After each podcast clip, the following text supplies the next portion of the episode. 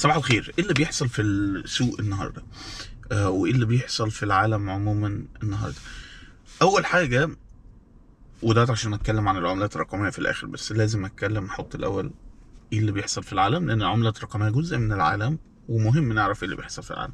حاول أعمل فيديو قصير عشان أعرف أنشره من الموبايل على طول وبس المهم آه، أول حاجة وديت اللي موجودة على معظم ال- ال- المواقع ال- العالمية الأخبار العالمية هو إن الإمارات غيرت نقلت بدل خمس أيام عمل في الأسبوع بقت أربع أيام ونص وبدل الجمعة والسبت أجازة بقى سبت وحد اجازه والجمعة نص يوم لغاية الساعة 12 عشان الناس تقدر تصلي ال- الجمعة. فده خبر عظيم خبر إيجابي لأن إحنا دلوقتي بنتحول إن إحنا نكون في الإمارات للي عايشين في الإمارات. إن إحنا شغالين مع العالم. مش منفصلين عنهم ولا مضطرين إن إحنا نشتغل في أيام أجازتنا. لأن أنا خلال السبع سنين اللي فاتوا تقريبا أنا بشتغل كل يوم جمعة. كل يوم جمعة وكل يوم حد.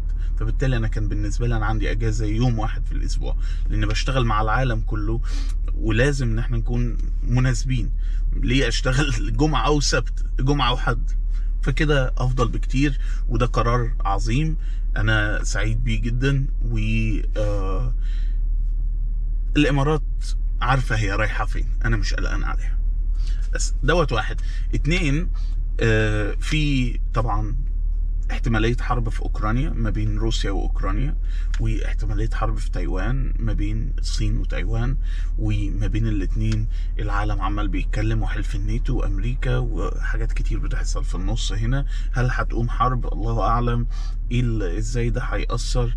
لسه مش عارفين بالظبط طالما ما اتدخلتش أطراف تانية. يعني آه، الصين اوريدي هي بتدمر اقتصادها بنفسها وكل الشركات التقنية بسبب إجراءات صينية بتنهار تقريبا دلوقتي. دوت بيفكرنا بحاجة مهمة جدا بتحصل اليومين دول. Evergrande اللي هي أكبر شركة real estate صينية لسه بتحاول تنجو من الإفلاس. لسه ما نجتش تماما ولكن بتحاول تنجو من الإفلاس. فده خبر إيجابي فاضل عندنا أوميكرون واللي هو المتحور الجديد لكورونا.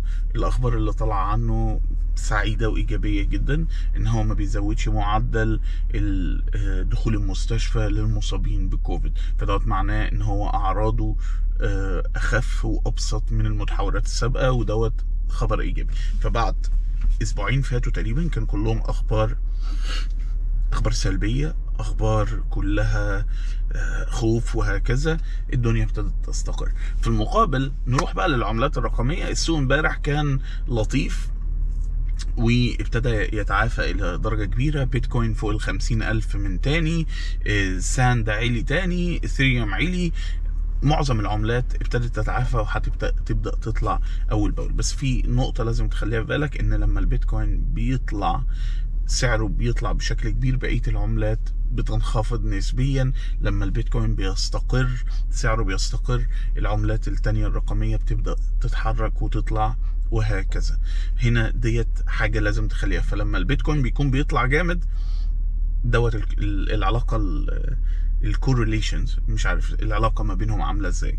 بس في خبر إيجابي تاني لسه شايفه. وهنا هو موجود لو أنا عرفت أجيب الشاشة. إن نسبة البيتكوين ال- اللي بيخرج اللي معروضة على ال exchange اللي هو ال exchange البورصات بتاعت ال- العملات الرقمية وصلت لأقل نسبة ليها من فترة طويلة جدا. ده خبر عظيم طبعا وخبر يساعد إن فكرة إن ال- ال- السوق يتعافى سريعا من الوقعة اللي حصلت يوم الجمعة اللي فاتت من كام يوم. ليه؟ لأن ده معناه إن المعروض من البيتكوين ومن العملة الرقمية.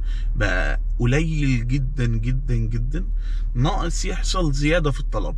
هيحصل زيادة في الطلب على البيتكوين لما تاني مع كل الأخبار الإيجابية اللي بتحصل ديت المخاوف اللي كانت مرتبطة بكل حاجة بتحصل في السوق ابتدت تقل. الناس هتبتدي تدخل السوق مرة تانية وتشتري مرة تانية وهنا هيحصل زيادة كبيرة في السعر. هل ده متوقع؟ أعتقد متوقع جدا مع موسم الأعياد اللي جاي وغيره وهكذا إن يكون السنة الجديدة إن ده هيحصل.